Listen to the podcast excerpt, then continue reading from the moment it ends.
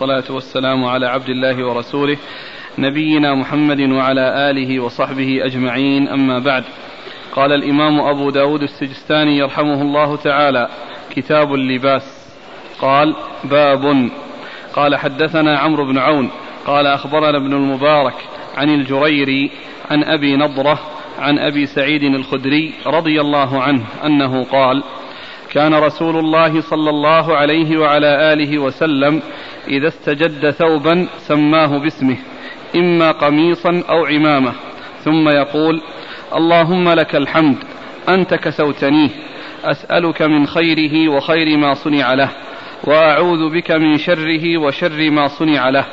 قال أبو نضرة فكان أصحاب النبي صلى الله عليه وعلى آله وسلم إذا لبس أحدهم ثوبا جديدا قيل له تبلي ويخلف الله تعالى. بسم الله الرحمن الرحيم. الحمد لله رب العالمين وصلى الله وسلم وبارك على عبده ورسوله نبينا محمد وعلى آله وأصحابه أجمعين. أما بعد فيقول الإمام أبو داود السجستاني رحمه الله تعالى كتاب اللباس. كتاب اللباس آه، عقد أو ذكر أبو داود رحمه الله هذا الكتاب باسم اللباس. وكذلك كثير من المؤلفين مثل البخاري وغيره يذكرونه بهذا الاسم اللباس. وأما النسائي رحمه الله فإنه عبر عنه بالزينة. وأتى بدلا من كتاب اللباس كتاب الزينة. وجعل اللباس جزء من الزينة. بحيث أنه يشتمل على اللباس وعلى ما يتعلق بالتجمل بما يتعلق بالشعر وغير ذلك والترجل والترجيل وغير ذلك يأتي به ضمن هذا الكتاب الذي سماه باب كتاب الزينة. وأما الإمام أبو داود رحمه الله فقد عقد لما يلبسه الإنسان آه، كتابا خاصا به هو اللباس بين من ذلك ما يحل وما يحرم ما يسوغ وما لا يسوغ وأتى بعد ذلك بكتاب الترجل. الذي هو الزينة التي هي غير اللباس. الزينة التي هي غير اللباس. وأما أبو داود رحمه وأما النسائي رحمه الله فقد جمع الاثنين في كتاب واحد. فقال كتاب الزينة. فجمع بين ما يتعلق باللباس وما يتعلق بالتجمل الذي يكون في آآ آآ الإنسان فيما يتعلق بشعره ما يؤخذ وما يترك وما يبقى وما يبقى وما إلى ذلك. فجعل الكتاب عاما شاملا للباس وغيره ومن المعلوم أن اللباس هو من الزينة. والمعلوم ومن المعلوم أن اللباس هو من الزينة.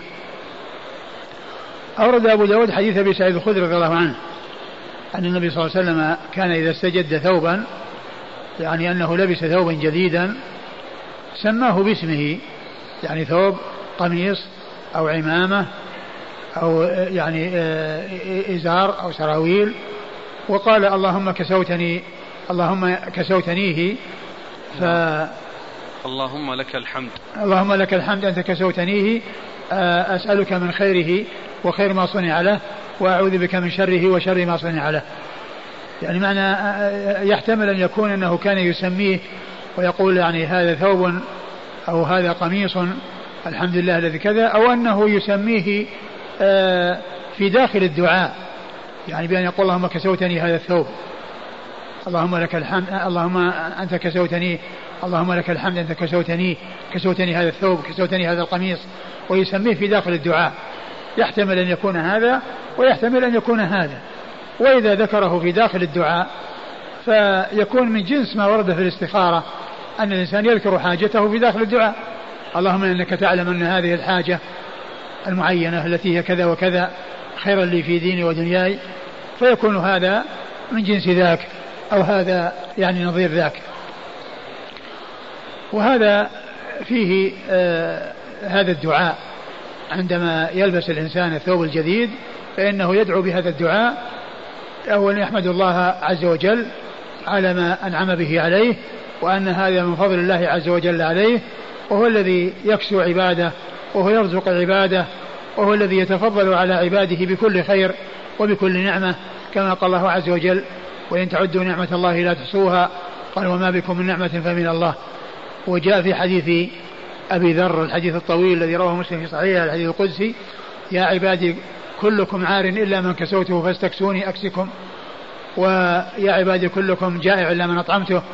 وحديث طويل وفيه ذكر الكسوة وأن الله تعالى هو الذي بيده كل خير وبيده كل نعمة وهو المتفضل بالنعم والذي يجود على عباده بالنعم الظاهرة والباطنة ومنها ما يتعلق باللباس.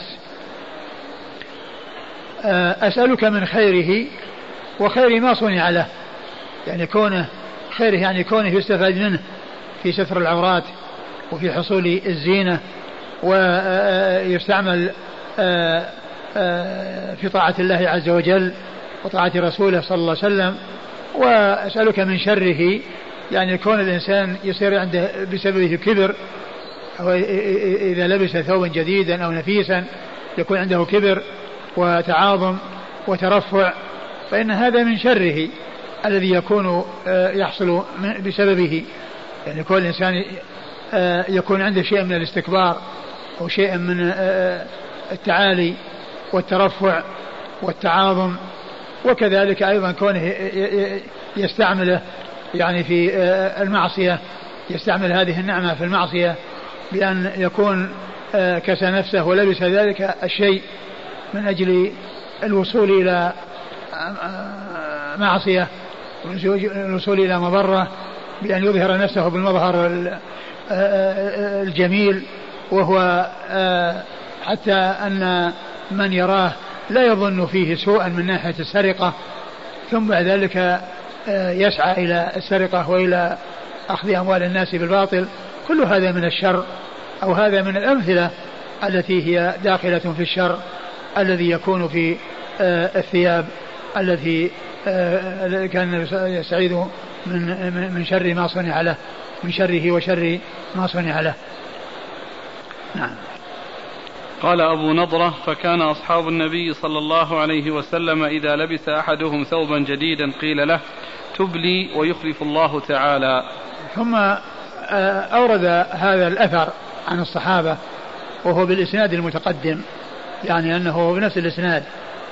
قال قال أبو نضرة يعني هو بالإسناد إليه كان أصحاب رسول الله صلى الله عليه وسلم إذا لبس إذا لبسوا إذا لبس أحدهم إذا لبس أحدهم قالوا تبلي ويخلف الله.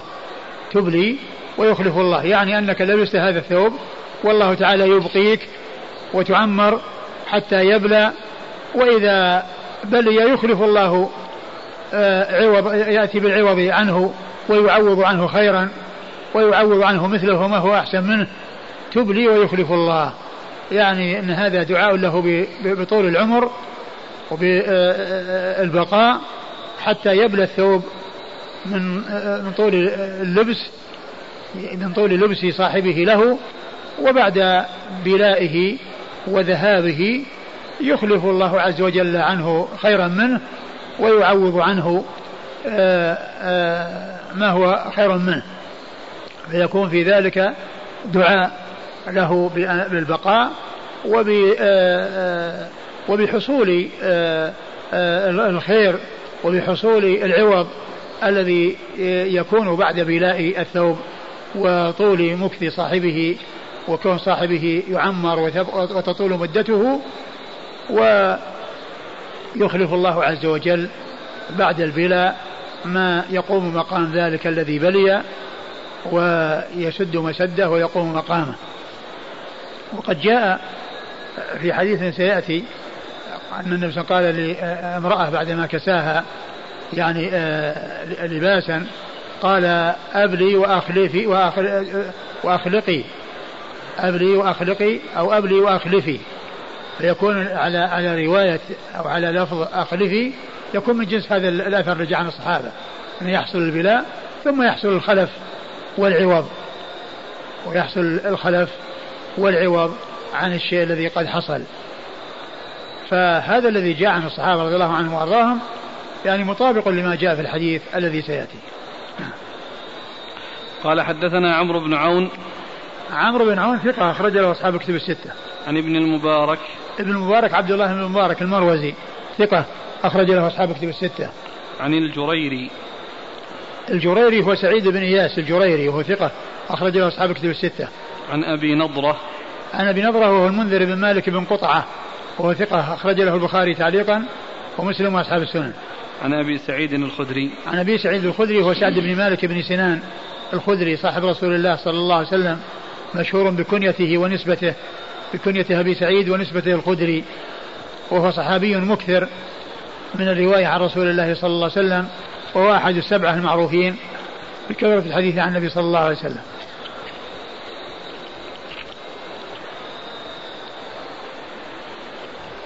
هذا الآن ثالث ب... ثالث كتاب يبدأه الإمام أبو داود باسم باب دون عنوان.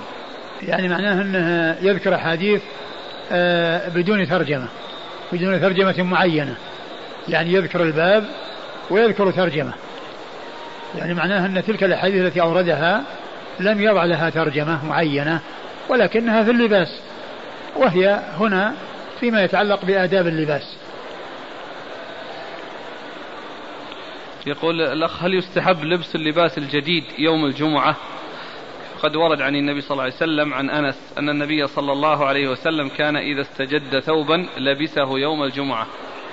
ما أدري عن ثبوته لكن الرسول صلى الله عليه وسلم كان يتجمل الجمعة.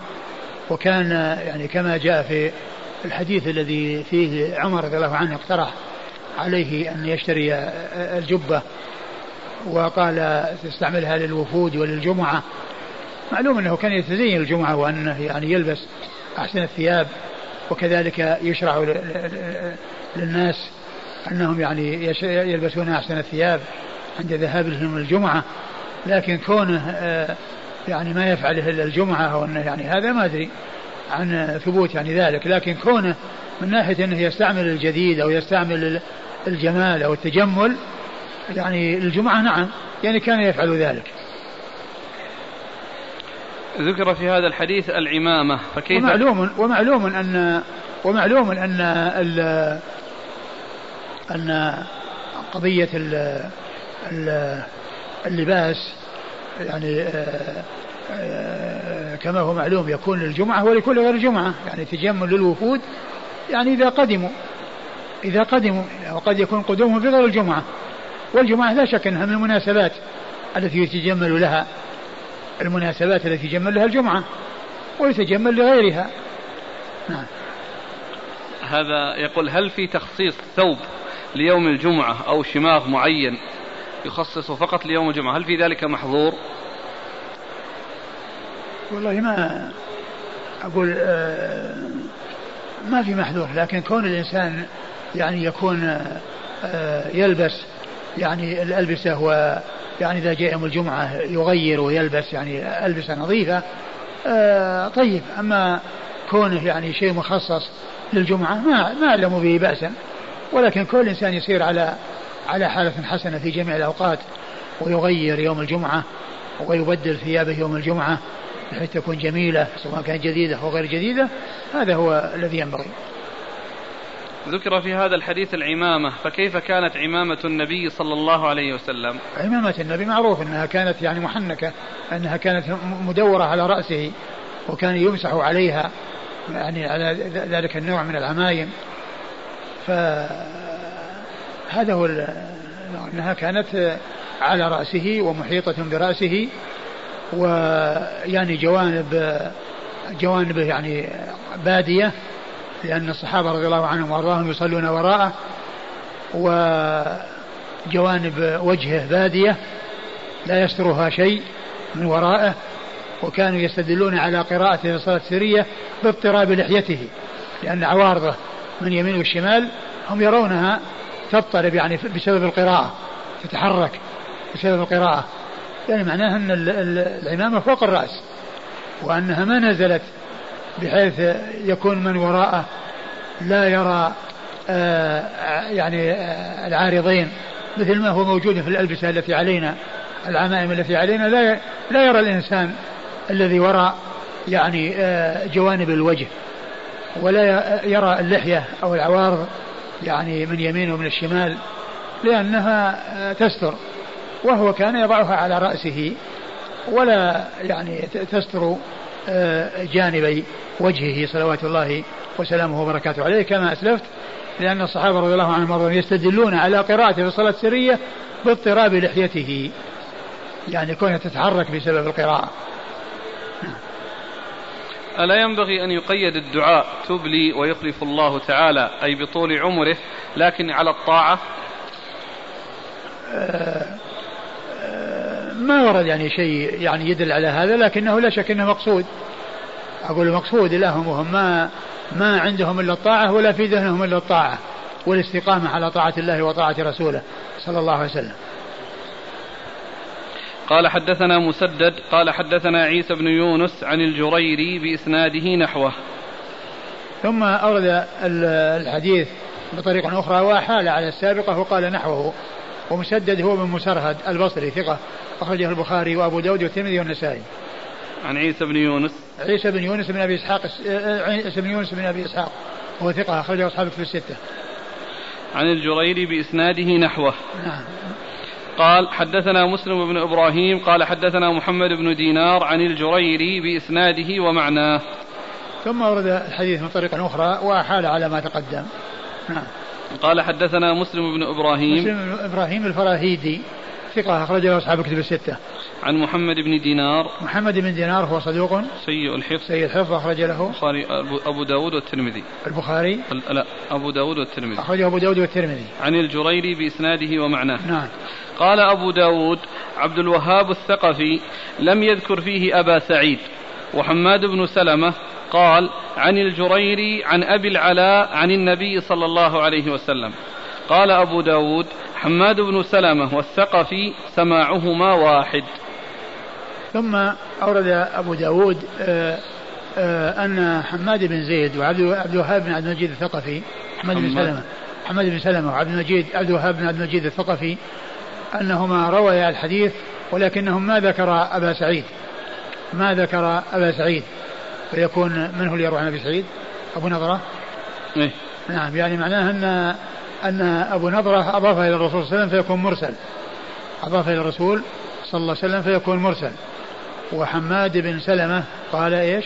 عن الجريري عن أبي العلاء عن النبي صلى الله عليه وسلم. نعم وكذلك أيضا مرسل ولكنه من غير طريق أبي نظرة ولكنه من طريق أبي العلاء الذي يزيد بن عبد الله بن الشخير أخو أخو مطرف بن عبد الله بن الشخير نعم. قال أبو داود عبد الوهاب الثقفي لم يذكر فيه أبا سعيد. عبد الوهاب الثقفي هو عبد الوهاب بن عبد المجيد الثقفي ثقة أخرج أصحاب كتب الستة. وحماد بن سلمة قال عن الجريري عن أبي العلاء. وحماد بن سلمة هو حماد بن سلمة بن دينار البصري ثقة أخرجه البخاري تعليقا ومسلم وأصحاب السنن. وأبو العلاء هو يزيد بن عبد الله بن الشخير ثقة. أخرج له أصحاب كتب الستة. قال أبو داود حماد بن سلمة والثقفي سماعهما واحد. قال أبو داود حما آه، آه، حماد بن سلمة حماد بن سلمة والثقفي. والثقفي سماعهما واحد. يعني من ناحية يعني آه، روايتهم عن من وعن؟ عن الجريري. عن الجريري نعم.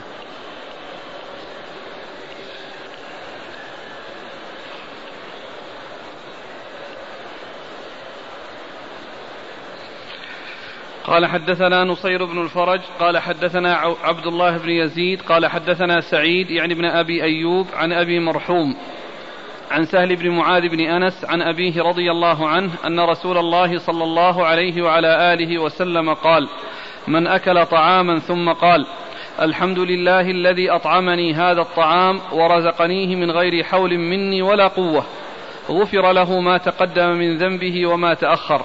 قال ومن لبس ثوبا فقال الحمد لله الذي كساني هذا الثوب ورزقنيه من غير حول مني ولا قوة غفر له ما تقدم من ذنبه وما تأخر. ثم ورد أبو داود حديث معاذ بن أنس رضي الله عنه.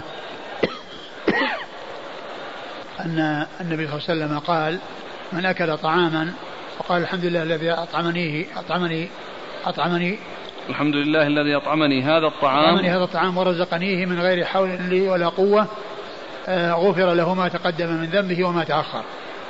وإذا يعني لبس ثوبا قال الحمد لله الذي كساني هذا الثوب ورزقنيه من غير حول لي ولا قوة. غفر له ما تقدم من ذنبه وما تأخر. يعني هذا يعني فيه أن أن الإنسان عندما يلبس اللباس يعني يحمد الله عز وجل على هذه النعمة وهو الذي آه، كسى ورزق وهو الذي أطعم ورزق وكل ذلك من رزق الله سواء كان ذلك طعاما أو لباسا وكل شيء يعني آه، آه، يحصل للإنسان فيه فائدة يعني سواء كان مال أو ولد أو زوجة أو طعام أو لباس كل ذلك من رزق الله. فحمد الله عز وجل على النعمة التي تحصل للإنسان والتي آه، آه، يتفضل الله بها على الإنسان ويثني على الله عز وجل بذلك. فيثني آه، عليه بأنه الذي كسى ورزق وهو الذي أطعم ورزق. فإن الله عز وجل يثيبه بأن يغفر له ما تقدم من ذنبه. وفي هذا أو في هذه الرواية فيه وما تأخر. لكن هذه الرواية يعني غير صحيحة اللي فيها التأخر ما تأخر من ذنبه. لأن الأحاديث التي وردت والتي هي ثابتة آه، فيها مغفرة ما تقدم دون ما تأخر.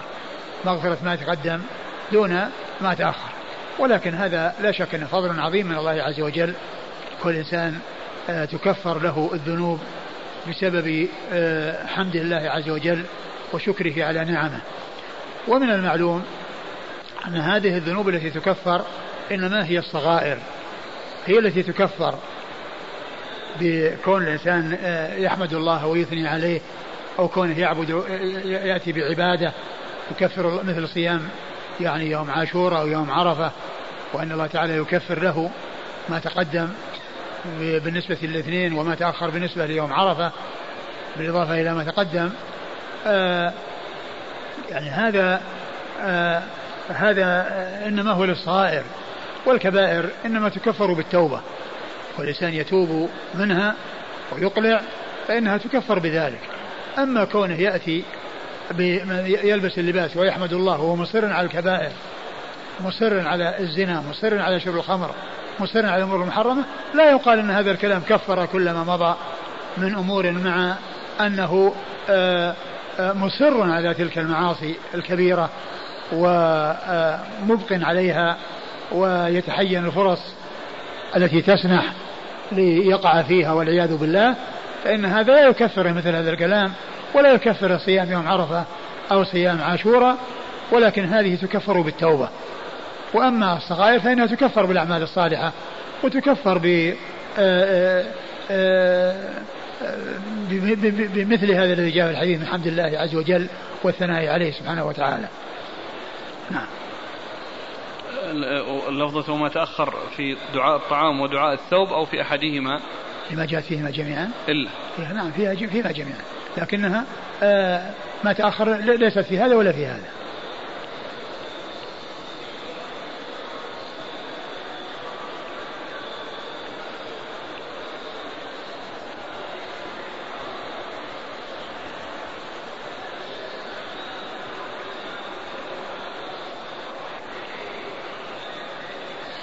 قال حدثنا نصير بن الفرج.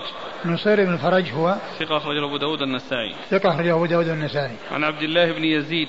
عبد الله بن يزيد المقري ثقة أخرجه أصحاب كتب الستة. عن سعيد يعني بن أبي أيوب. سعيد بن أبي أيوب ثقة أخرجه أصحاب كتب الستة. عن أبي مرحوم. عن أبي مرحوم وهو صدوق أخرجه أصحاب السنن. أخرجه أصحاب السنن. عن سهل بن معاذ بن أنس. سهل بن معاذ بن أنس وهو لا بأس به. لا بأس به وبمعنى صدوق. أخرج له البخاري في الأدب المفرد وأبو داود والترمذي وابن ماجه. البخاري في الأدب المفرد وأبو داود والترمذي وابن ماجه. عن, عن أبيه نعم. وهو صحابي أخرج له البخاري في الأدب المفرد وأبو داود والترمذي وابن ماجه. البخاري في الأدب المفرد وأبو داود والترمذي وابن ماجه. يقول هل يكون الدعاء كلما لبس الثوب وأكل الطعام أو هذا لأول مرة؟ آه آه الذي يظهر الذي يظهر أن فيما يتعلق بالطعام أنه كل ما أكل طعام يقول هذا الكلام. وأما فيما يتعلق باللباس فإذا قاله يعني في كل في كل مناسبة يلبس فيها يعني آه، حسن. وإن أتى به عندما يلبس الشيء لأول مرة يلبس الشيء لأول مرة لأن يعني الله يعني رزقه هذا الثوب وكساه إياه ويعني حصل له فإذا فعل في أول مرة يعني يبدو أن أن ذلك كاف. وإن أتى به في كل مناسبة وفي كل حالة فذلك خير وثناء على الله عز وجل.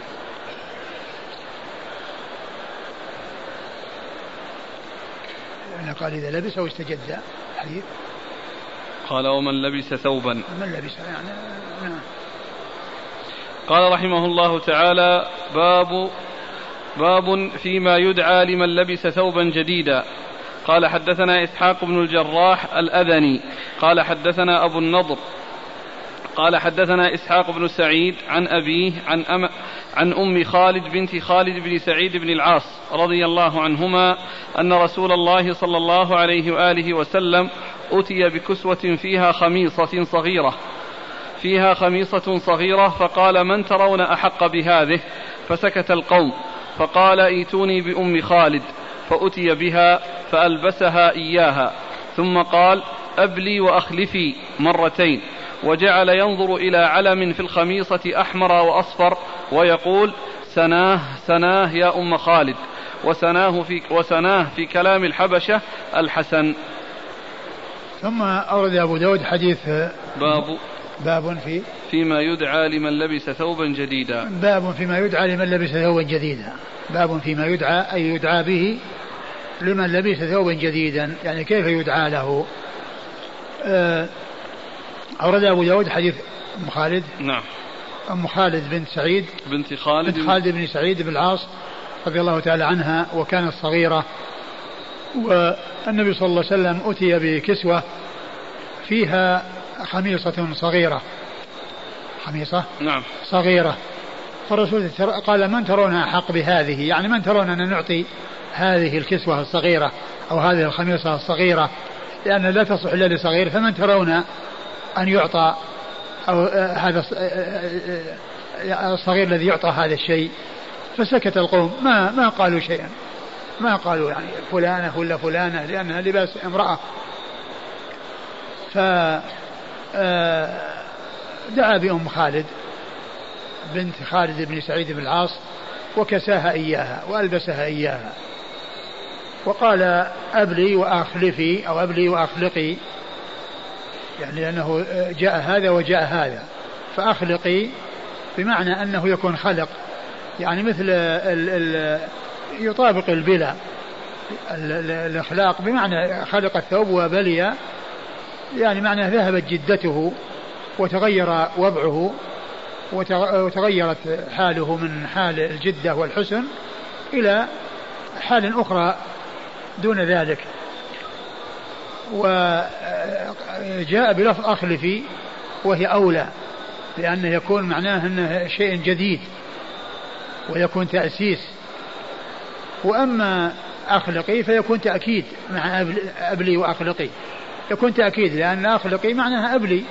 فيكون أخلقي معطوف على أبلي ويكون من قبيل التأكيد.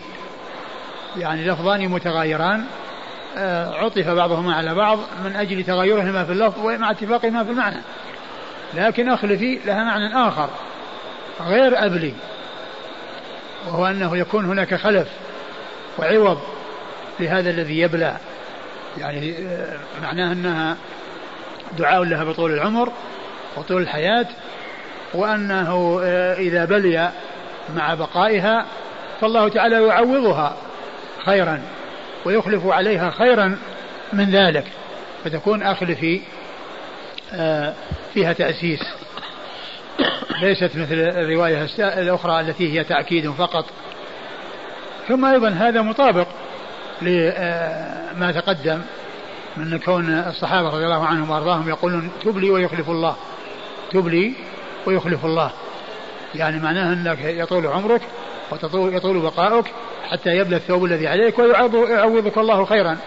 وهذا أبلي وأخلفي. هو يعني آه معناه أنها يطول عمرها وأن الله تعالى يعوضها خيرا عندما يبلى هذا الثياب الذي آه هذا الثوب الذي حصل لها. نعم. ثم قال أبلي وأخلفي مرتين وجعل ينظر إلى علم في الخميصة أحمر أو أصفر. وجعل ينظر إلى علم يعني شيء يعني بالخميصة يعني خطوط أو يعني شيء آه، يخالف يعني آه، لون الخميصة أصفر أو أحمر. يعني ويقول سنة يعني سنة سنة يعني أن هذا يعني شيء جميل وهذا شيء حسن. يعني مداعبة للصغير وتأنيس للصغير. وقال لها سناه سناه قالوا لأنها ولدت في أرض الحبشة. لأنها ولدت في أرض الحبشة وسناه سناه بمعنى حسن بلغة الحبشة. سناه سناه بمعنى حسن حسن. قال حدثنا إسحاق بن الجراح الأذني. آه، من هو؟ إسحاق بن الجراح. إسحاق بن الجراح الأذني هو ثقة؟ صدوق أخرجه أبو داود. صدوق أخرجه أبو داود. عن أبي النضر عن ابي النضر وهو هاشم بن القاسم ثقة هاشم بن القاسم ثقة أخرجه أصحاب كتب الستة. عن إسحاق بن سعيد عن إسحاق بن سعيد وهو ثقة أخرجه البخاري ومسلم وأبو داود بن ماجه. ثقة أخرجه البخاري ومسلم وأبو داود بن ماجه. عن أبيه عن أبيه هو سعيد بن سعيد بن عمرو بن العاص. سعيد بن عمرو بن العاص وهو وهو ثقة أخرج أصحاب الكتب إلا الترمذي. ثقة أخرج أصحاب الكتب الستة إلا الترمذي. عن أم خالد بنت خالد. عن أم خالد بنت خالد رضي الله عنها وهي صحابية أخرج لها. البخاري وأبو داود والنسائي. البخاري وأبو داود والنسائي. هل ثبت في الدعاء لمن لبس ثوبا جديدا؟ يقال له البس جديدا وعش حميدا ومت شهيدا. والله ما ما أعلم. أقول ما أعلم يعني في هذا شيء. هل يؤخذ من الحديث فائدة وهو جواز التكنية للصغيرة؟ نعم. نعم. يؤخذ من هذا. التكنية للصغير. ومثله الحديث الذي في أبي عمير ما فعل النغير لأنه طفل صغير وكان يكنى في أبي عمير فالصغير يكنى نعم. ويقول فيه جواز الكلام بغير اللغة العربية؟ يعني الكلمات التي تذكر على سبيل المداعبة يعني لا بأس بها. ما في محظور واحد يتكلم بعض الألفاظ الإنجليزية أحيانا؟ لا إذا كان هذا شيء مفهوم عند الناس أقول شيء مفهوم عند الناس يكلمهم بشيء مفهوم يعني لهم. أما كونه يأتي بشيء يعني لا يعرفونه ويكون يعني هو في واد وهم في واد آخر هذا ما ما يستقيم. يعرفونه يعني. خلاص إذا كانوا يعرفونه كلام يعني مثلا فيه مصلحة وفيه فائدة يعني أما إذا كان أنها آآ آآ مثل ما يفعله بعض الناس زهد في اللغة العربية ومحبة للغات الأخرى فهذا ما ما يصلح. هذا اللي إنه يعني قد يتفق معه يقول له ها طيب. يقول له هي أوكي. لا لا يقول كونه يقول الكلمة الطيبة العربية أحسن من كونه يأتي بهذا الكلام الأعجمي قال رحمه الله تعالى باب ما جاء في القميص. قال حدثنا إبراهيم بن موسى قال حدثنا الفضل بن موسى عن عبد المؤمن بن خالد الحنفي عن عبد الله بن بريدة عن أم سلمة رضي الله عنها أنها قالت كان أحب الثياب إلى رسول الله صلى الله عليه وآله وسلم القميص. ثم أورد أبو داود باب باب ما جاء في القميص. باب ما جاء في القميص. لأن يعني الأحاديث الدالة على استحبابه وعلى لبسه والترغيب فيه وأورد أبو داود حديث أم سلمة. والقميص هو ما يعني يجعل على على سائر الجسد ويغطي الجسد كله يعني آه، مما مما دون الرأس والرقبة. ويكون له جيب ويعني كمان يكون له جيب يعني يظهر من الرأس وكمان تظهر منها منهما اليدان. وهو يعني أحسن اللباس وخير اللباس لأنه أولا هو ساتر وهو أكمل في الستر من غيره بخلاف الإزار فإنه قد ينحل وتنكشف العورة. وأما اللباس القميص فهو على الكتفين قد حمله الكتفان ولا ولا مجال للسقوط كما يحصل بالنسبة للإزار. وهو ما يجعل لسائر البدن مما دون الرأس وله جيب وكمان. أكمام لليدين وجيب للرأس. وقد جاء في الحديث حديث حديث الحج لا يلبس المحرم القمص ولا العمائم ولا السراويلات ولا كذا. يعني فهو أحسن هو أحسن اللباس أو من أحسن اللباس لما فيه من الستر ولما فيه من تمام ستر الجسد والبعد عن انكشاف العورة. أورد أبو حديث أم سلمة قالت كان أحب الثياب إلى رسول الله صلى الله عليه وسلم القميص. كان أحب الثياب إلى رسول الله القميص. كان أحب الثياب إلى رسول الله صلى الله عليه وسلم القميص. والسبب في ذلك ما أشرت إليه من جهة أنه آه، كامل الستر وأنه لا يكون معه انحلال كما يحصل من الإزار. نعم. قال حدثنا إبراهيم بن موسى إبراهيم موسى الرازي ثقة أخرجه أصحاب كتب الستة. عن الفضل بن موسى. الفضل بن موسى السيناني وهو ثقة أخرجه أصحاب كتب الستة. عن عبد المؤمن بن خالد الحنفي. عبد المؤمن بن خالد الحنفي وهو لا بأس به أخرجه أبو داود والترمذي والنسائي. لا بأس به بمعنى صدوق أخرجه أبو داود والترمذي والنسائي. عن عبد الله بن بريدة. عن عبد الله بن بريدة بن الحصيب وهو ثقة أخرجه أصحاب كتب الستة. عن أم سلمة. عن أم سلمة أم المؤمنين رضي الله عنها هند بنت أبي أمية وهي وحديثها أخرجه أصحاب كتب الستة. يعني إذا القميص ما هو بلازم يكون إلى نصف يعني يغطي النصف الأعلى فقط. كما هو المشهور الآن عندنا الآن أن القميص ما كان بنفس الثوب لكن لا يكون لا يكون سابقا بهذه الطريقة مثل الثوب. لا هو هو طبعا آه، ينزل. أقول ينزل يعني عن الركبتين ولا ينزل عن الكعبين. أقول يكون تحت الركبتين ولا ينزل عن الكعبين. لا مثل الآن القميص اللي يلبس مع البنطلون يكون فوق ويمكن الواحد يستخدم إزار كلمة, كلمة القميص هذه اسم جديد وضعه الناس ل... وإلا القميص هو هذا الثوب الذي يكون عدالة سواء قيل له قميص أو قيل له يعني ثوب. والآن اصطلاح الناس القميص يعني هذا اللي يستعملونه للنوم ويستعملونه ل... ل... ل... يعني ل... في البيت. هذا يقول له قميص. وهذا يقول له ثوب وهو كله كله قميص. قال حدثنا زياد بن أيوب قال حدثنا أبو تميلة قال حدثني عبد المؤمن بن خالد عن عبد الله بن بريدة عن أبيه. بعد انتهى. عن أبيه عن أم سلمة هكذا. وفي تحفة الإشراف عن أمه عن أم سلمة. عن أمه؟ نعم. واضح هكذا يعني ترجمة. عبد الله بن بريدة عن أمه عن أم سلمة وساق هذا الحديث تحته. وأمه لكن ما وجدت لها ترجمة وش لفظه هو الحديث؟ هذا هو. لم يكن ثوب أحب إلى رسول الله صلى الله عليه وسلم من قميص. على كل يعني الأمة يعني سواء كانت صحابية أو غير صحابية يعني ما دام أن أن أن الحديث يعني هو مثل الطريقة السابقة الطريقة السابقة يعني فليس في مشكلة. ولا أدري هل هي أمه ولا أبوه هو معروف بالرواية عن أبيه. لا لأنه يعني هذا الكلام ذكره البخاري وضعفه. أيوة. مثلا هنا ذكر أمه؟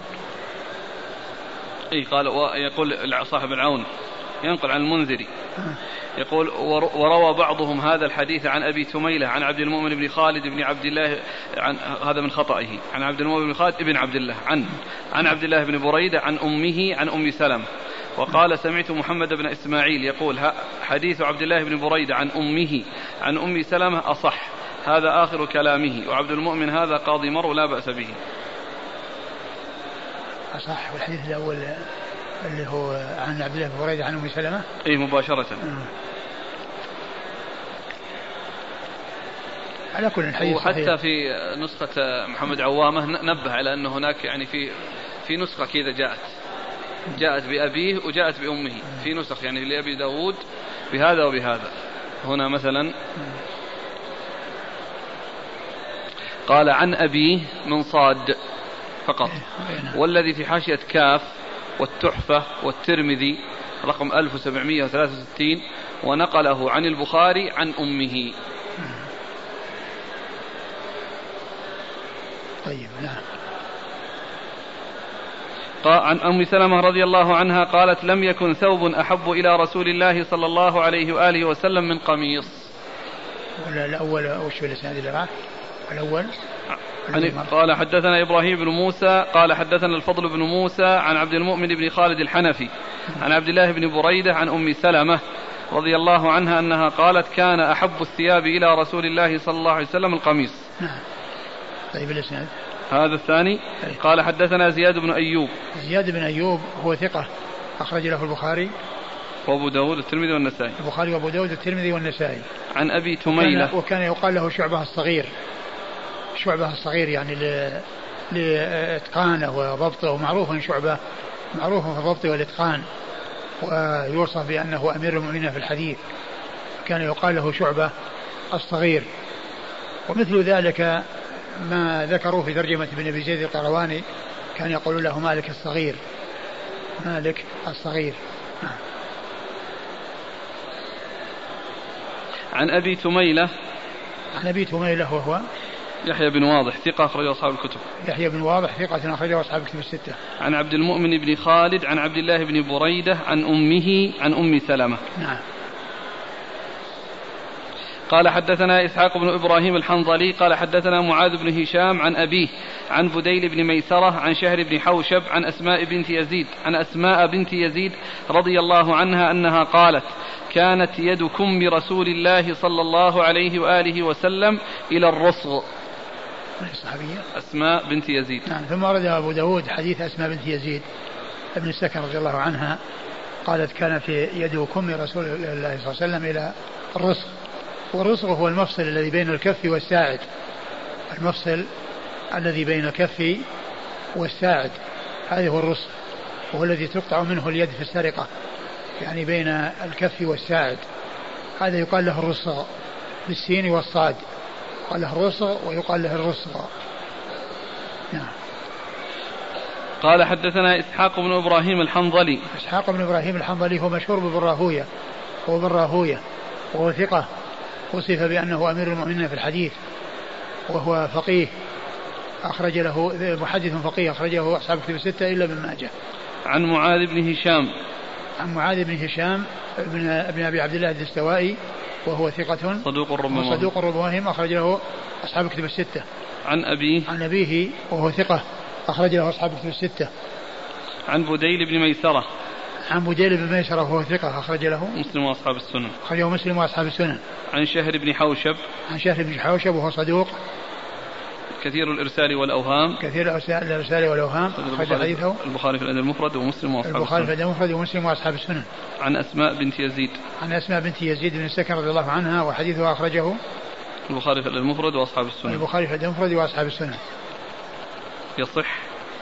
الحديث ضعفه الألباني. ومن أجل شهر بن حوشب هذا.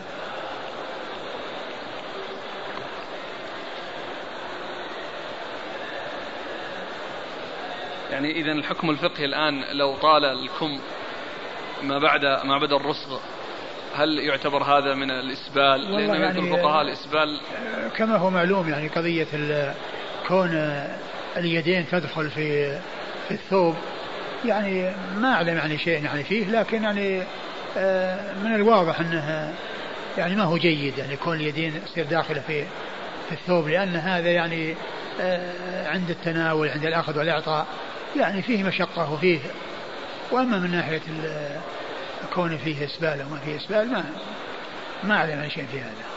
لكن الذي يبدو أن أن كونه إلى الرصغ لا شك أنه هو الجميل والمناسب وفيه التمكن من يعني الأخذ والإعطاء بدون كونه يعني يحسر عن عن يده. تذكرون الإخوان نعم. أقول تذكرون الإخوان. نعم. المرجو من الإخوان الذين يأخذون المساعدات أن كل واحد منهم يرسل ورقة صغيرة كالمعتاد تشتمل على اسمه وجنسيته وتوقيعه. و ويرسل كل واحد يعطيها من أمامه حتى تصل إلى الأخ عبد الحكيم. لا تقبل نعم. ورقة في الغد. أي نعم. والذي ما قدم اليوم على شيء لا ليس له أن يقدم من الغد.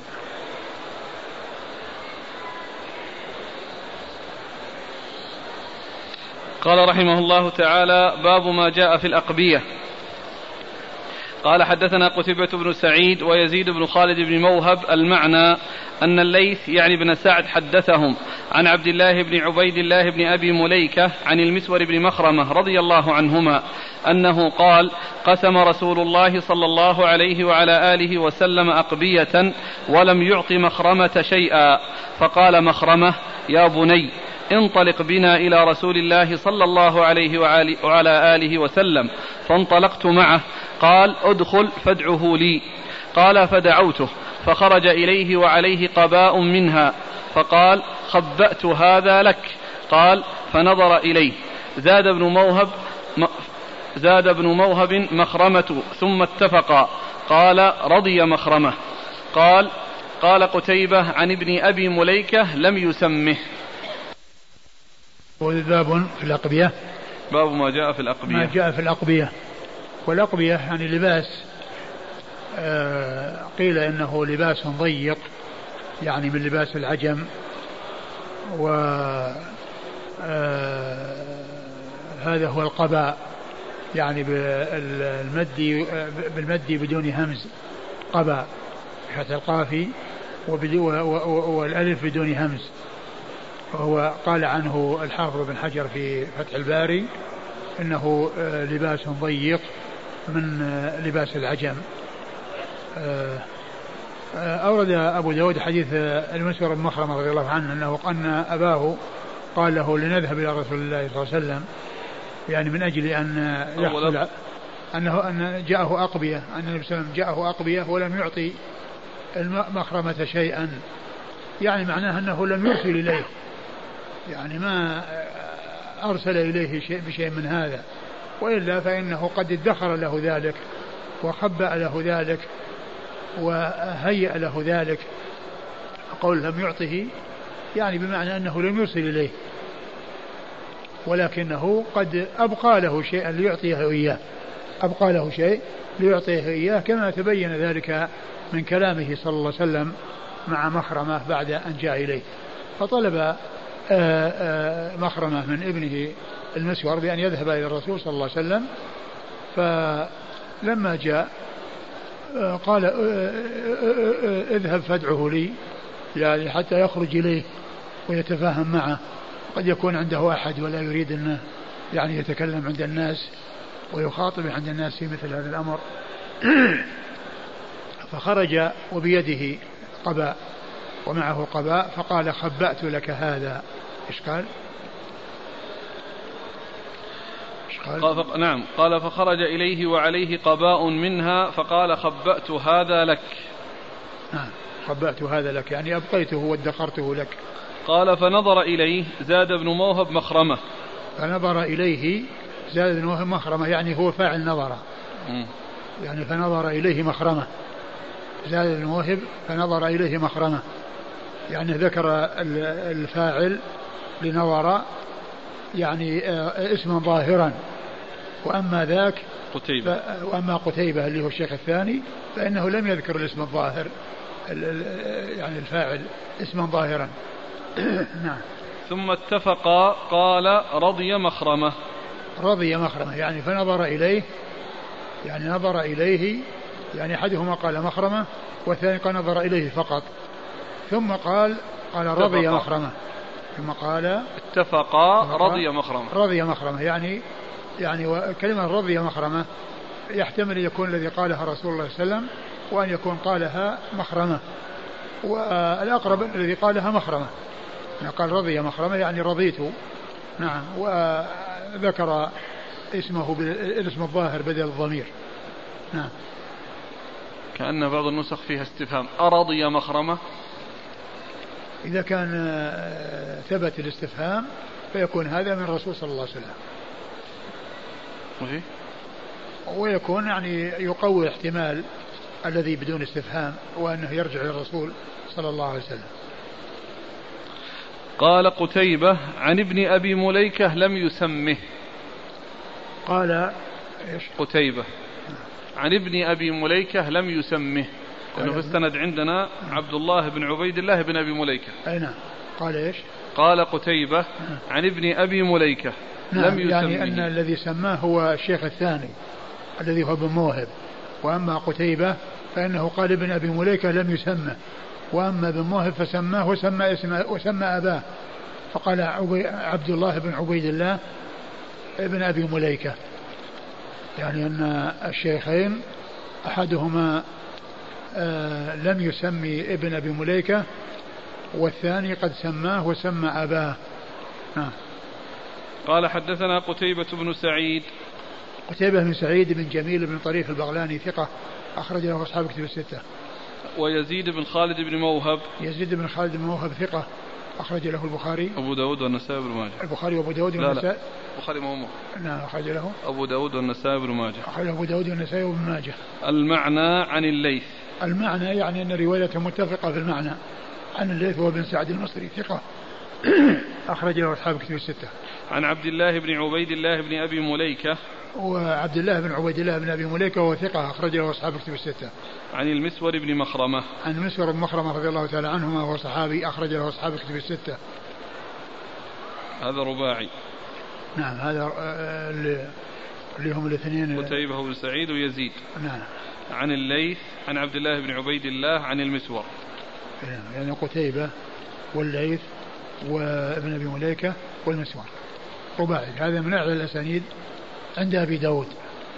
لكن ما عرفنا القبأ هذا. يعني ضيق من أعلاه فقط والله ما أعرف يعني ما أدري وش. ولا وجدت حتى يعني شرحه إلا عند ابن حجر في فتح الباري في عون المعبود وكذا ما تعرض له أقول ما تعرض لبيان معناه.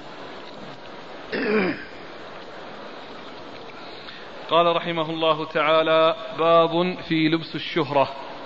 قال حدثنا محمد بن عيسى قال حدثنا أبو عوانة قال حا وحدثنا محمد يعني بن عيسى عن شريك عن عثمان بن أبي زرعة عن المهاجر الشامي عن ابن عمر رضي الله عنهما قال في حديث شريك يرفعه قال من لبس ثوب شهرة ألبسه الله يوم القيامة ثوبا مثله زاد عن أبي عوانة ثم تلهب فيه النار.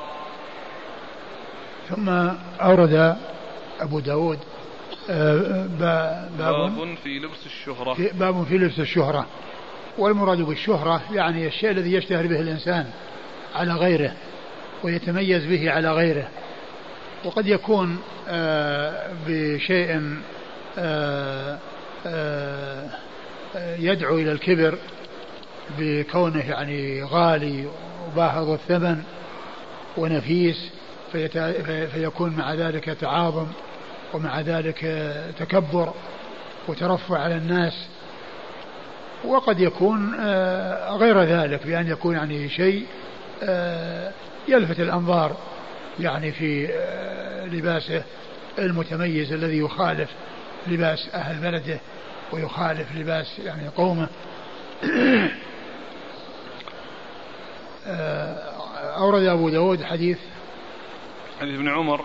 حديث عبد الله بن عمر رضي الله تعالى عنه قال من لبس ثوب شهرة ألبسه من لبس ثوب شهرة ألبسه الله يوم القيامة, يوم القيامة مثله نعم. مثله يعني شيء يشتهر به ولكنه آه، في الذم وفي السوء. وقال تلهبوا فيه النار. تلهبوا فيه. زاد عن أبي عوانة ثم تلهبوا فيه النار. زاد عن ثم تلهبوا فيه النار. يعني هذا الثوب الذي يعني يشتهر به تلهبوا فيه النار يعني يعذبوا به. يعني آه، يعذب بهذا الثوب أو بمثل هذا الثوب الذي آه، لبسه وحصل منه آه، التكبر. ولهذا جاء في بعض الروايات ثوب مذلة. يعني معناه أنه كما أنه حصل منه التكبر فإنه يحصل منه يحصل له في الآخرة يقابل ذلك الإذلال وهو أنه يلبس يلبس ثوب مذلة فيكون يعني فيه إذلال له. وفيه أيضا تعذيبه به حيث جاء في هذه الرواية أنها تلهب فيه النار. نعم. قال حدثنا محمد بن عيسى. محمد بن عيسى هو الطباع وهو ثقة أخرجه أخرج له آه، آه، البخاري تعليقا نعم. وأبو داود والترمذي في الشمائل والنسائي وابن ماجه. عن أبي عوانة. عن أبي عوانة الوضاح بن عبد الله اليشكري وهو ثقة أخرج له أصحاب كتب الستة. قال حاء وحدثنا محمد يعني ابن عيسى عن شريك. ثم قال حاء وحدثنا محمد يعني ابن عيسى اللي هو الشيخ الأول عن شريك. وشريك بن عبد الله النخعي الكوفي القاضي وهو ثقة وهو صدوق يخطئ كثيرا وتغير حفظه لما ولي القضاء وحديثه أخرجه البخاري تعليقا ومسلم وأصحاب السنن. عن عثمان بن أبي زرعة. عثمان بن أبي زرعة هو ثقة أخرجه البخاري وأصحاب السنن. ثقة أخرجه البخاري وأصحاب السنن. عن المهاجر الشامي. المهاجر الشامي وهو المهاجر بن عمرو. نعم. آه مقبول مقبول أخرج له. أبو داود والنسائي وابن ماجه. أخرج أبو داود والنسائي وابن ماجه. عن ابن عمر. عن ابن عمر عبد الله بن عمر بن الخطاب رضي الله تعالى عنهما وهو الصحابي الجليل أحد العباد الأربعة من الصحابة وأحد السبعة المعروفين بكثرة الحديث عن النبي صلى الله عليه وسلم. قال في حديث شريك يرفعه. قال في حديث شريك يرفعه. يعني هناك الأول قال قال رسول الله. الأول. لا. عن ابن عمر عندما جاء عند ابن عمر قال في حديث شريك يرفعه. لا يعني قال رسول الله. ما في لا. عن ابن عمر. إيه. ما ما في إلا كذا يرفعه قال في حديث شريك يرفعه. قال من لبس ثوب شهرة يرفعه يعني في حديث شريك التعبير بيرفعه. ما في قال رسول الله في الأول. لا. يعني يرفعه. يعني كان على هذا أن أنه من طريق من الطريق الأول أنه ما فيه ذكر الرفع. يعني وكأنه يصير موقوف على هذا على ابن عمر على ابن عمر. وأما الشريك اللي هي الطريقة الثانية قال فيه يرفعه يعني يرفعه إلى النبي صلى الله عليه وسلم. لأن كلمة يرفعه تعادل قال رسول الله صلى الله عليه وسلم أو سمعت رسول الله صلى الله عليه وسلم.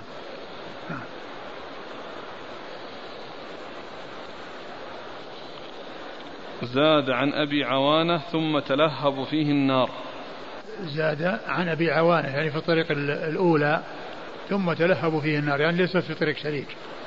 ليست في طريق شريك وإنما هي في طريق أبي عوانة الذي هو التي هي الطريق الأولى. إسناد الإسناد فيه مقبول ولا والألباني صححه. في الشريك. فيه شريك لا شريك. نعم. ما في مشكلة لأن له قرين. قرين أبي عوانة نعم قرين أبو عوانة ثقة ولكن فيه هذا الذي هو المهاجر الشامي المهاجر الشامي نعم. صح يقول الشيخ؟ صحح نعم. كله طرق يعني ولا؟ يعني طريق واحد نعم. لا المقبول على عادة الحافظ مقبول حيث يتابع وإلا في نعم الحديث. نعم. يعني معناه له شواهد. معناه له شواهد. يعني هو ما في طرق الآن. لا فيه فيه سيأتي. لكن هناك ما قال اللي سيأتي قال حدثنا مسدد. قال حدثنا أبو عوانة قال ثوب مذلة. يعني معناه في الإسناد. معناه في الإسناد السابق. إيه. أي نعم. قال حدثنا مسدد. قال حدثنا أبو عوانة قال ثوب مذلة. يعني هذا الشيخ الثالث لأبي داود. شيخ ثالث لأبي داود في الحديث وهو مسدد بن مسرهد ثقة أخرج له البخاري وأبو داود والترمذي والنسائي وأبو عوانة مر ذكره في الطريقة الأولى.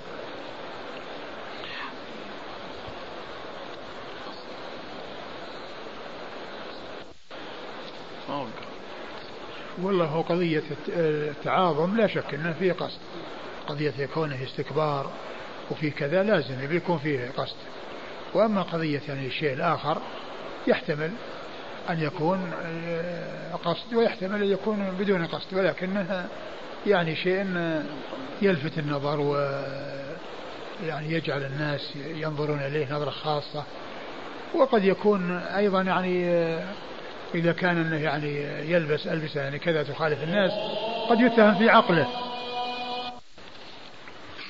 بالنسبة للتقييد قضية ثوب الشهرة فإن الأسئلة جاءت كثيرة في قضية أن الإنسان يلبس لبس على السنة لكنه غير مشتهر.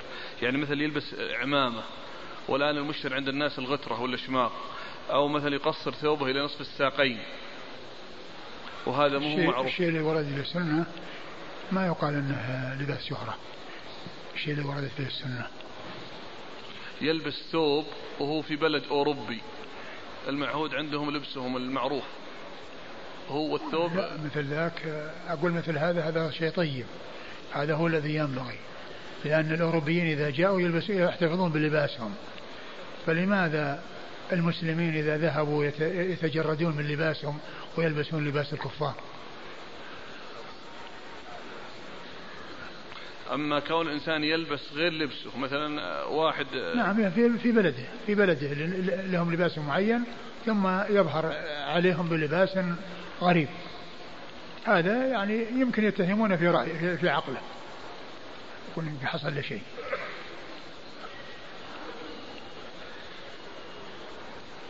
لأن هنا ينقل يقول قال شيخ الإسلام ابن تيمية في ثوب الشهرة هو المترفع الخارج عن العادة. أو المنخفض الخارج عن العادة. يقول قد علمنا ما معنى قوله المترفع فما معنى قوله المنخفض؟ يعني معناه الناس يدعون الزهد ويأتون بألبسة يعني آه، آه، فيها يعني آه، تساهل وشهرة يعني بشيء رديء وشيء طيب من أجل إظهار الزهد. هذا هو المقصود. هل لبس الآن البنطلون في مثل هذه البلاد لمن هو من أهلها؟ يقال لبس شهرة. والله البنطلون يعني كما هو معلوم هو في الأصل هو لباس الكفار. أقول لباس الكفار يعني ذلك اللباس الذي يكون على قدر الأعضاء وأحجام ما يعني يكون فيه سعة. هذا هذا هو لباسهم. ف يعني مع كثرة الناس أو كثرة من يلبسه ما يقال إنه لباس شهرة ولكنه يقال إنه لباس ليس من لباس أهل الإسلام. قال حدثنا عثمان بن أبي شيبة قال حدثنا أبو النضر قال حدثنا عبد الرحمن بن ثابت قال حدثنا حسان بن عطية عن أبي منيب الجرشي عن ابن عمر رضي الله عنهما أنه قال قال رسول الله صلى الله عليه وعلى آله وسلم من تشبه بقوم فهو منهم. ثم ورد أبو داود حديث ابن عمر رضي الله تعالى عنهما أن النبي صلى الله عليه وسلم قال من تشبه بقوم فهو منهم. من تشبه بقوم فهو منهم. يعني أن يعني هذا ذم لمن يتشبه بالكفار لأن التشبه آه، في الظاهر قد يؤدي إلى ميل في الداخل وفي الباطن. ف والمقصود من ذلك التشبه يعني في الشيء الذي هو من خصائصهم والشيء الذي يعني هو من ميزاتهم. وأما الأشياء التي هي مطلوبة في الإسلام مثل إعداد العدة والعناية في الإتيان بالأمور النافعة هذا شيء مطلوب. هذا شيء مطلوب ولكن الشيء المحذور والممنوع منه في أمور آه، مثل اللباس أو في الهيئة أو ما إلى ذلك. من تشبه بقوم فهو منهم وهذا ذم يعني شديد. في حق من يكون كذلك. وضع يعني هذا الحديث تحت باب لبس الشهرة. يعني يرى أن لبس الكفار يعتبر لبس شهرة. يمكن أن يكون يعني يكون الإنسان يعني يكون أهل بلده يعني لابسين لباسا معين من ألبسة المسلمين ثم يظهر عليهم آه، بلباس آه، سواء كان للكفار أو لغير الكفار. ولكن الكفار لا شك أنها يعني جمع بين آه، يعني آه، أمرين سيئين. هو كونه يعني لباس كفار وكونه يعني غريبا على الناس وشيء يعني فيه شهرة عند الناس. يعني جمع مصيبتين. قال حدثنا عثمان بن أبي شيبة عثمان بن أبي شيبة ثقة أخرج له البخاري واخرجه أصحاب الكتب الستة إلا الترمذي وإلا النسائي فأخرج له في عمل يوم والليله.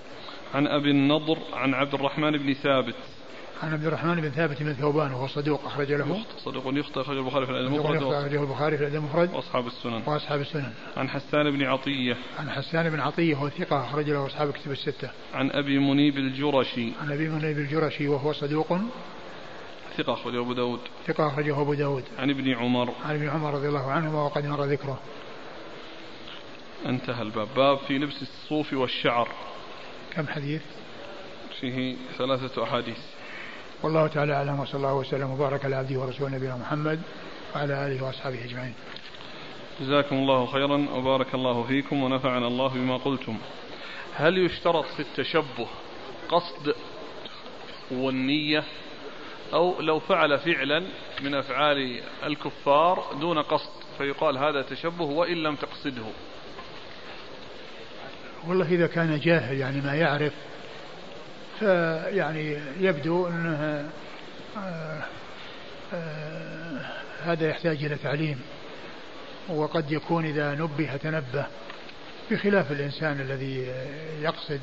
طبعا الذي يقصد هذا هذا واضح لكن الجاهل الذي ما قصد ولكنه إذا نبه وبقي على ما هو عليه فيكون يعني حكم حكم ذاك الذي آه، كان عالما في الأول.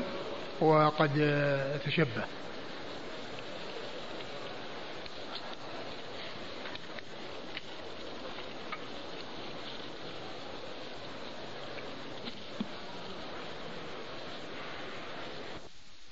بسم الله الرحمن الرحيم. الحمد لله رب العالمين. والصلاة والسلام على عبد الله ورسوله نبينا محمد وعلى آله وصحبه أجمعين. أما بعد قال الإمام أبو داود السجستاني رحمه الله تعالى باب في لبس الصوف والشعر. قال حدثنا يزيد بن خالد بن يزيد بن عبد الله بن موهب الرملي وحسين بن علي قال حدثنا ابن أبي زائدة عن أبيه عن مصعب بن شيبة عن صفية بنت شيبة عن عائشة رضي الله عنهما أنها قالت خرج رسول الله صلى الله عليه وعلى آله وسلم وعليه مرط مرحل من شعر أسود. بسم الله الرحمن الرحيم. الحمد لله رب العالمين وصلى الله وسلم وبارك على عبده ورسوله نبينا محمد وعلى آله وأصحابه أجمعين. أما بعد يقول الإمام أبو داود السجستاني رحمه الله تعالى باب في لبس الصوف والشعر. آه الصوف هو الذي يكون من, مثل مثل الشاة. الضأن من من من الغنم والشعر يكون في في المعز. لأن يعني هذه تكون أشعار وهذه صوف. والأوبار تكون في الإبل. يعني غالبا من أصوافها وأوبارها وأشعارها أثاثا ومتاعا إلى حين. فهنا عطف آه، الشعر, على الصوف من المغايرة وليس من المرادفة. والصوف يكون آه، من آه، والشعر والأشعار تكون من المعز.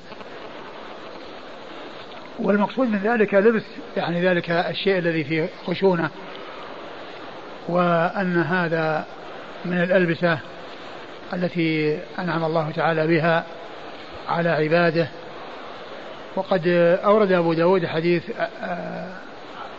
حديث عائشة. عائشة رضي الله عنها أن النبي صلى الله عليه وسلم خرج خرج وعليه مرط مرحل من شعر أسود. خرج وعليه مرط مرحل من شعر أسود.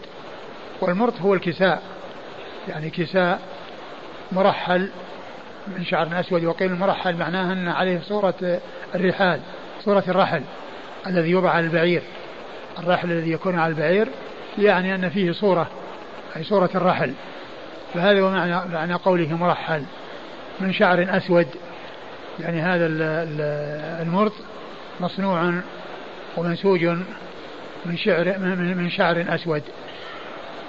وهذا يدل على لبس ذلك لأن النبي صلى الله عليه وسلم قد لبسه صلوات الله وسلامه وبركاته عليه. نعم. المرط كساء. ما له وصف معين؟ نعم. يعني ثوب. ثوب نعم ثوب نعم. الكساء هو الثوب. لكن قوله المرحل هو الذي فيه خطوط. فيه خطوط ولكن قيل إنه مرحل سمي مرحل لأن فيه آه، آه، ما هو على صورة الرحل أي رحل البعير. قال حدثنا يزيد بن خالد بن يزيد بن عبد الله بن موهب الرملي. هو ثقة أخرج له أبو داود النسائي بن ماجه. أبو داود النسائي بن ماجه. وحسين بن علي. حسين بن علي هو؟ يحتمل أن يكون العجلي آه. صدوق يخطئ كثيرا أبو داود الترمذي أو الأحمر. وهو مقبول. لكن, لكن في ترجمة في ترجمة الشيخ هم فيه الاثنين؟ كلهم. كلهم يروون عن ابن أبي زائده ويروي عنه كلهم؟ الحافظ ذكر قال إنه محتمل؟ لا. هو يعني ذكر أن الذهبي يرجح. يقول أن الأحمر لم يدرك ابن أبي زائدة. فيتعين يكون العجلي. من يقوله؟ الذهبي. يقول الذهبي اللي يقوله؟ ينقل عنه الحافظ التهذيب. في تهذيب التهذيب؟ اي والمزي يرى أنه هذا وهذا كلاهما من شيوخ ابي داود إيه. وإيش قال عنهم تقريبا؟ العجلي صدوق يخطئ كثيرا أخرجه أبو داود والترمذي أيوة. والأحمر مقبول أخرجه أبو داود والنسائي و... وال... مع شخص آخر ولا وحده؟ هو يزيد بن خالد. لا مع يزيد نعم. معه شخص آخر. نعم. نعم. عن ابن أبي زائدة. عن ابن أبي زائدة يحيى بن زكريا بن أبي زائدة. ثقة أخرجه أصحاب الكتب الستة. عن أبيه. عن أبي زكريا وهو ثقة أخرجه أصحاب الكتب الستة. عن مصعب بن شيبة. عن مصعب بن شيبة ولي الحديث. نعم. أخرج له مسلم وأصحاب السنن. مسلم وأصحاب السنن. عن صفية بنت شيبة. عن صفية بنت شيبة وهي لها رؤية. لها رؤية. حديث أخرجه أصحاب الكتب الستة. نعم. نعم. عن عائشة. عن عائشة أم المؤمنين رضي الله عنها وأرضاها الصديقة بنت الصديق. وهي واحدة من سبعة أشخاص عرفوا بكثرة الحديث عن النبي صلى الله عليه وسلم. وقال حسين حدثنا يحيى بن زكريا. الإسناد الآخر؟ لا هو الآن في الطبعة اللي عندنا شبكة. خلط بين هذا ثم يعني الآن في الإسناد عندنا. وقال حسين حدثنا يحيى بن زكريا قال حدثنا إبراهيم بن العلا الزبيدي قال حدثنا إسماعيل. إيه. فجعله متصل بالإسناد الذي بعده. أي طبعة التي هذه هي طبعة دعاس لمعنى ما هو منفصل هذا؟ لا. الإسناد الثاني؟ لا متصل كله متصل؟ أي. طيب وحسين قال وقال حسين. حدثنا يحيى بن زكريا. نعم بعده. ثم يأتي الحديث الجديد. أيوه. قال حدثنا إبراهيم بن العلاء الزبيدي قال حدثنا إسماعيل بن عياش عن عقيل بن مدرك. يعني لا, لا أعد يعني يقول وقال وقال وقال حسين حدثنا يحيى بن زكريا. وقال حسين وفي الأول إيش قال؟ الأول. هناك قال حدثنا ابن أبي زائدة لم يسمه.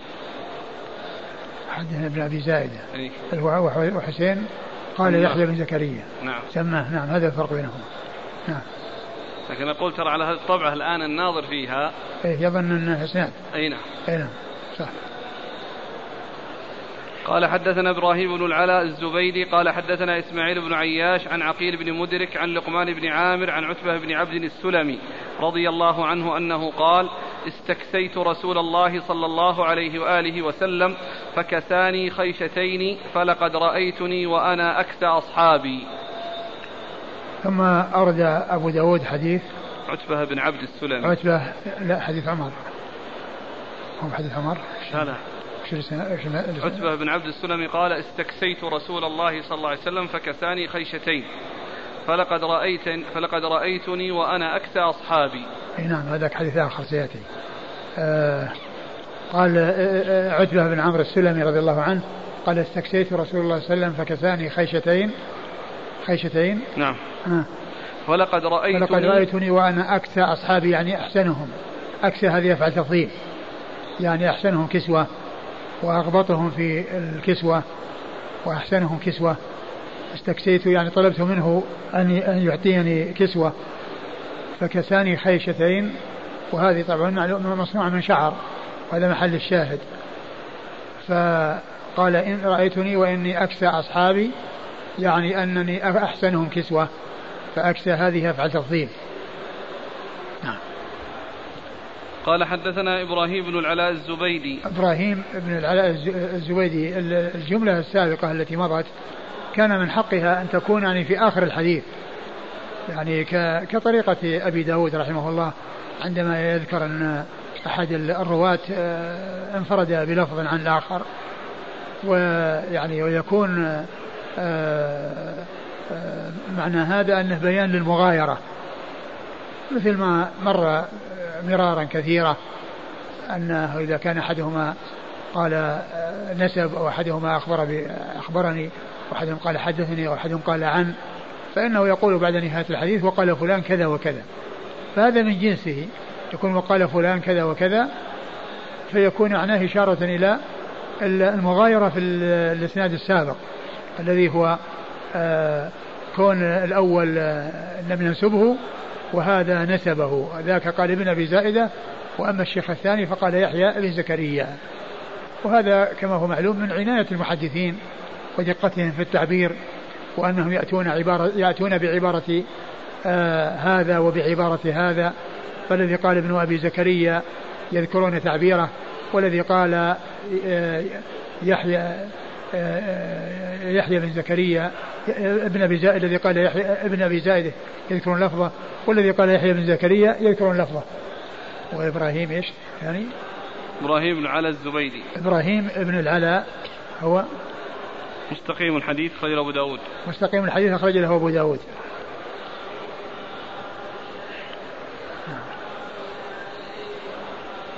عن إسماعيل بن عياش. عن إسماعيل بن عياش وهو آه، ثقة في روايته. صدوق في روايته عن أهل بلده. صدوق في روايته عن أهل بلده ومخلط في غيرهم. عن عقيل بن مدرك. عن عقيل عن عقيل بن مدرك؟ نعم. عن عقيل بن مدرك وهو؟ مقبول أخرج له أبو داود. مقبول أخرج له أبو داود. عن لقمان بن عامر. عن لقمان بن عامر وهو؟ صدوق أخرجه أبو داود النسائي وابن ماجه في التفسير. صدوق أخرجه أبو داود النسائي وابن ماجه أبو داود وابن ماجه أبو داود. والنسائي. والنسائي وابن ماجه في التفسير. عن عتبة بن عبد السلمي. عن عتبة بن عامر السلمي وهو صحابي أخرجه أبو داود وابن ماجه. صدوق أخرجه أبو صحابي أخرجه أبو داود وابن ماجه.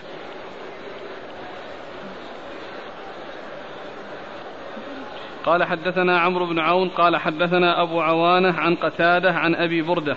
قال قال لي أبي يا بني لو رأيتنا ونحن مع نبينا صلى الله عليه وآله وسلم وقد أصابتنا السماء حسبت أن ريحنا ريح الضأن.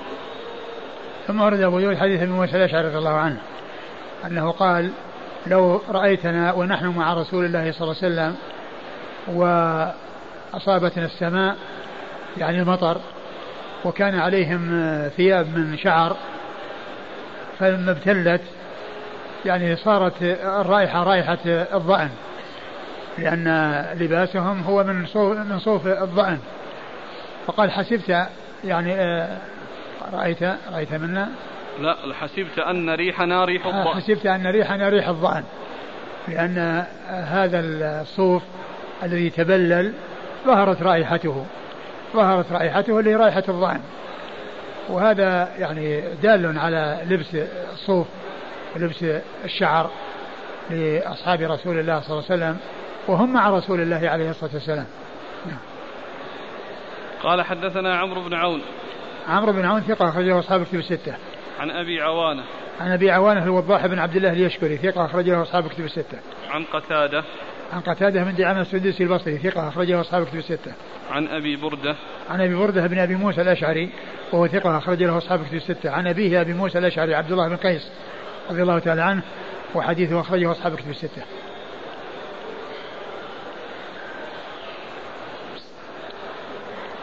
يسلم عليك هذا الطفل الصغير. أه؟ سلم سلم على الشيخ. تبي يقبل يقبل. من هو؟ أي مجلس قال رحمه الله تعالى باب لبس الرفيع من الثياب قال حدثنا عمرو بن عون قال أخبرنا عمارة بن زادان عن ثابت عن أنس بن مالك رضي الله عنه أن ملك ذي يزن أهدى إلى رسول الله صلى الله عليه وآله وسلم حلة أخذها بثلاثة وثلاثين بعيرا أو ثلاثة وثلاثين ناقة فقبلها قال رحمه الله باب لبس الرفيع من الثياب. قال حدثنا عمرو بن عون قال أخبرنا عمارة بن زادان عن ثابت عن أنس بن مالك رضي الله عنه أن ملك ذي يزن أهدى إلى رسول الله صلى الله عليه وآله وسلم حلة أخذها بثلاثة وثلاثين بعيرا أو ثلاثة وثلاثين ناقة فقبلها. ثم أورد أبو داود باب المرتفع. لبس الرفيع من الثياب. لبس الرفيع من الثياب يعني الذي هو آه، له آه، شأن وله قيمة ويعني أنه نفيس وغالي. يعني هذا معنى كونه رفيع. يعني معناه أنه غال وأنه نفيس. قال أن ملك ذي يزن آه، اشترى, آه، آه، اشترى أهدى أهدى لرسول الله صلى الله عليه وسلم بردة حلة حلة من اشتراها بثلاثة وثلاثين بعيرا وأهداها إلى رسول الله صلى الله عليه وسلم. فقوله ثلاثة وثلاثين بعير يعني أنها قيمتها يعني معناها أنها غالية. يعني كون ثلاثة وثلاثين بعير يعني قيمة هذه يعني معناها أنها تعادل يعني ثلث الدية. لأن يعني الدية مئة بعير وثلاث ثلاثين يعني هذه تعتبر ثلثها. فيكون آه، اشترى ذلك الملك هذه الحلة. والحلة هي الإزار والرداء. يعني مكونة من آه، مكونة من قطعتين إزار ورداء هذه قال لها حلة. هذه هي الحلة يعني آه، إزار ورداء أهداها إلى رسول الله صلى الله عليه وسلم فقبلها لكن الحديث غير صحيح. نعم في إسناده عمارة بن زاذان. زاذان نعم. قال حدثنا عمرو بن عون عن عمارة بن زاذان. عمارة بن زاذان قال فيه صدوق كثير الخطأ. صدوق كثير الخطأ. أخرج له. أبو دو... البخاري في المفرد وأبو داود والترمذي وابن ماجه. البخاري في المفرد وأبو داود والترمذي وابن ماجه. عن ثابت.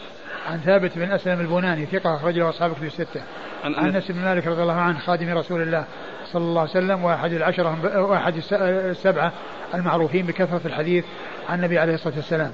وهذا رباعي من أعلى الأسانيد عند أبي داود.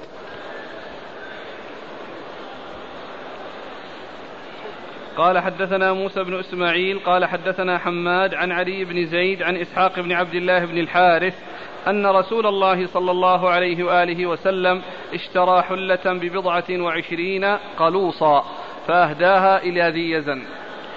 ثم أورد أبو داود حديث آه، مرسل حديث مرسل عن إسحاق بن عبد الله بن الحارث. ابن الحارث ان النبي صلى الله عليه وسلم اشترى حلة ببضعة, ببضعة وعشرين قلوصا. حلة ببضعة وعشرين قلوصا. هذه عكس السابقة لأن السابقة آه، آه، المهدي المهدى إليه رسول الله صلى الله عليه وسلم. وهنا المهدي رسول الله عليه الصلاة والسلام أن الرسول صلى الله عليه وسلم اشترى حلة ببضع. وعشرين قلوصا. القلوص هي الناقة اسم للناقة القلاص القلائص.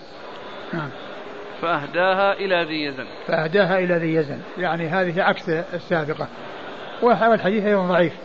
من جهة أن في علي بن زيد بن جدعان وهو ضعيف ومن جهة أنها أنه فيه إرسال أنه مرسل.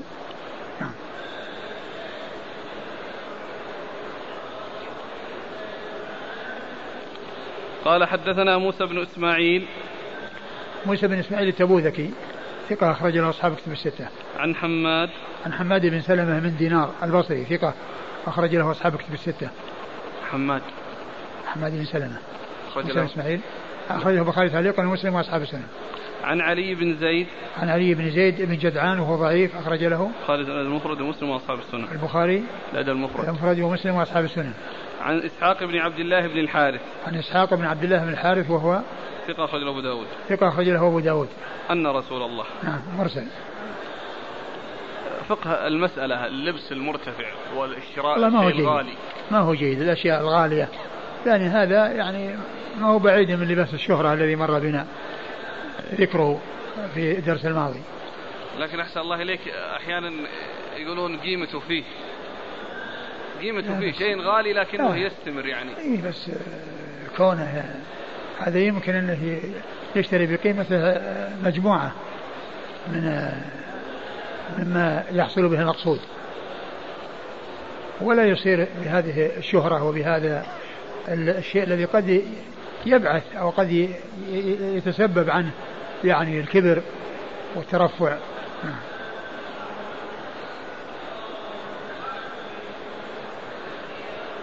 قال رحمه الله تعالى باب لباس الغليظ قال حدثنا موسى بن إسماعيل قال حدثنا حماد قال حا وحدثنا موسى قال حدثنا سليمان يعني ابن المغيرة.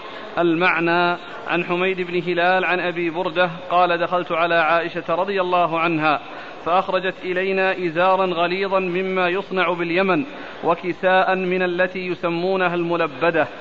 فأقسمت بالله أن رسول الله صلى الله عليه وعلى آله وسلم قبض في هذين الثوبين. ثم ورد أبو داود باب لبس الغليظ. الثياب والغليظ هو السميك الذي يعني آه، فيه سماكة وفيه كثافة يعني بحيث آه، يعني آه، يكون يعني كأنه أو يعادل عدة أشياء إذا جمع بعضها إلى بعض. هذا هو الغليظ. وهذا يعني من الوصف من ناحية سماكته. وقد أورد أبو داود حديث عائشة رضي الله عنها أن أنها عن أبي بردة أنها قالت أخرجت لنا عائشة آآ آآ إيش؟ أخرجت إلينا إزارا غليظا مما يصنع باليمن. أخرجت إلينا إزارا غليظا وهو الإزار هو الذي يوضع على نصف الجسد الأسفل و وكساء. وكساء من التي يسمونها الملبدة. وكساء من التي يسمونها الملبدة. يعني معناها أنها ملبدة يعني لسماكتها وقد يكون في باطنها شيء قد يكون في جوفها شيء يعني يكون يعني آه، أدخل يعني في وسطه شيء آه، ملبد آه، خيط معه أو يعني نسج معه أو ضم إليه بحيث يعني كان غليظا بسبب ذلك يعني كانت ملبدة هذا يشعر بالسماكة. نعم. فأقسمت بالله أن رسول الله صلى الله عليه وعلى آله وسلم قبض في هذين الثوبين. فأقسمت بالله أن الرسول صلى الله عليه وسلم قبض في هذين الثوبين.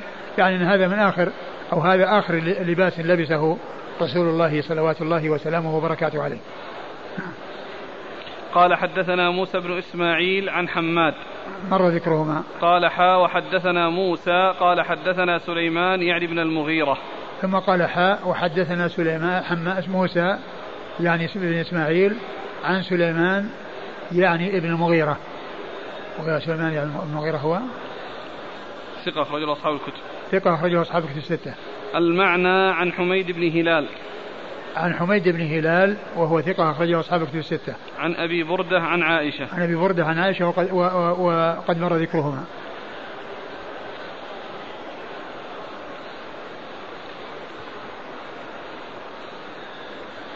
هذا يقول يقول كيف قبض صلى الله عليه وسلم في هذين الثوبين؟ لم يجرد من ثيابه؟ لا جر يعني هو لما مات يعني آه، خرجت روحه وعليه عليه يعني هذه الثياب. ولكنه بعد ذلك غسل في ثيابه ولم يجرد. صلوات الله وسلامه وبركاته عليه. قال حدثنا إبراهيم بن خالد أبو ثور الكلبي. قال حدثنا عمر بن يونس بن القاسم اليمامي قال حدثنا عكرمة بن عمار قال حدثنا أبو زميل قال حدثني عبد الله بن عباس رضي الله عنهما أنه قال لما خرجت الحرورية أتيت عليا رضي الله عنه فقال ائت هؤلاء القوم فلبست أحسن ما يكون من حلل اليمن قال أبو زميل وكان ابن عباس رجلا جميلا جهيرا قال ابن عباس فأتيتهم فقالوا مرحبا بك يا ابن عباس. ما هذه الحلة؟ قال ما تعيبون علي. لقد رأيت على رسول الله صلى الله عليه وعلى آله وسلم أحسن ما يكون من الحلل. قال أبو داود اسم أبي زميل سماك بن الوليد الحنفي. ثم ورد أبو داود حديث ابن عباس رضي الله تعالى عنهما أن أن أنه لما خرجت الحرورية في زمن أمير المؤمنين علي بن أبي طالب رضي الله عنه قال لابن عباس اذهب إلى إليهم.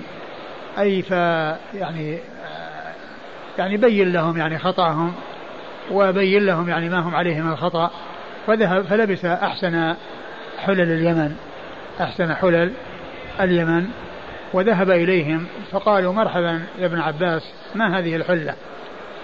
فقال إني رأيت رسول الله صلى الله عليه وسلم يلبس أحسن ما يجد من الحلل؟ قال لقد رأيت على رسول الله صلى الله عليه وسلم أحسن ما يكون من الحلل. لقد رأيت على رسول الله صلى الله عليه وسلم أحسن ما يكون من الحلل.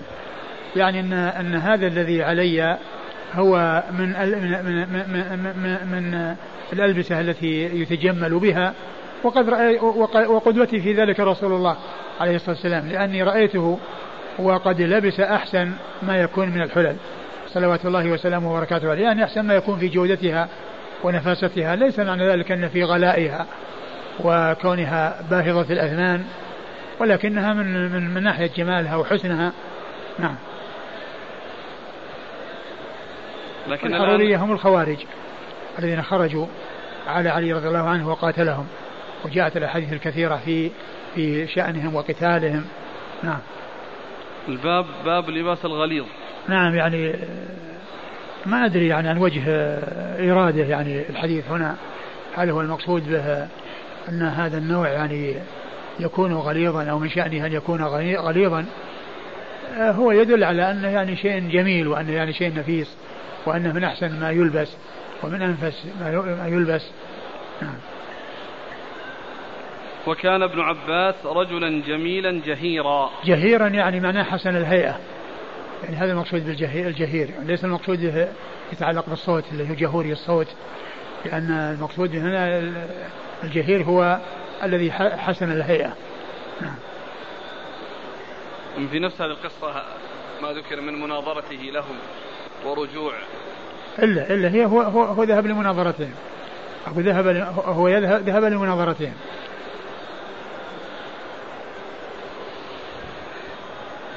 يعني تعمد ابن عباس رضي الله عنه أنه يلبس أحسن الثياب للمناقشة للذهاب للمناظرة. والله يمكن يعني مثل, مثل ما كان يسلم يعني أنه عندما يلتقي بالوفود وكذا يعني يلبس أحسن يعني يتجمل للوفود. فهذا يعني أراد أن يكون كذلك. قال حدثنا إبراهيم بن خالد أبو ثور الكلبي. إبراهيم بن خالد أبو ثور الكلبي هو ثقة أخرج له أبو داود وابن ماجه أبو داود وابن ماجه عن عمر بن يونس بن القاسم اليمامي عن عمر بن يونس بن القاسم اليمامي وهو ثقة أخرج أصحاب الكتب ثقة أخرجه أصحاب الكتب الستة. عن عكرمة بن عمار. عن عكرمة بن عمار وهو صدوق. يغلط. يغلط أخرج له. البخاري تعليقا ومسلم وأصحاب السنن. البخاري تعليقا ومسلم وأصحاب السنن. عن أبي زميل. عن أبي زميل وهو. سماك بن الوليد الحنفي ليس به بأس. سماك بن الوليد الحنفي ليس به بأس وهي بمعنى صدوق. أخرج له. البخاري في المفرد ومسلم وأصحاب السنن. البخاري في المفرد ومسلم وأصحاب السنن. عن أبي عن ابن عباس. عن ابن عباس عبد الله بن عباس بن عبد المطلب ابن عم النبي صلى الله عليه وسلم وأحد العباد الأربعة من الصحابة وهم عبد الله بن عباس وعبد الله بن عمر وعبد الله بن عمرو وعبد الله بن الزبير وأحد السبعة المعروفين بكثرة الحديث عن النبي صلى الله عليه وسلم وهم أبو هريرة وابن عمر وابن عباس وأبو سعيد وأنس وجابر وعائشة رضي الله عنهم وعن الصحابة أجمعين. إنكار الحرورية لما قالوا ما هذه الحلة يعني هل هم يرون الزهد حتى في هذه والله يمكن يمكن يمكن أن هذا أن هذا يعني يمكن سؤالهم هذا يعني هذا كان سؤال إنكار. وأن كان يعني ما يرون يعني لبس أحسن الثياب يعني هذا الذي يفهم من ويفهم من جواب ابن عباس أيضا. كون يقول اني إنني فعلت هذا اقتداء برسول الله وقد رأيته يلبس أحسن ما يكون من الحلل. قال ما تعيبون علي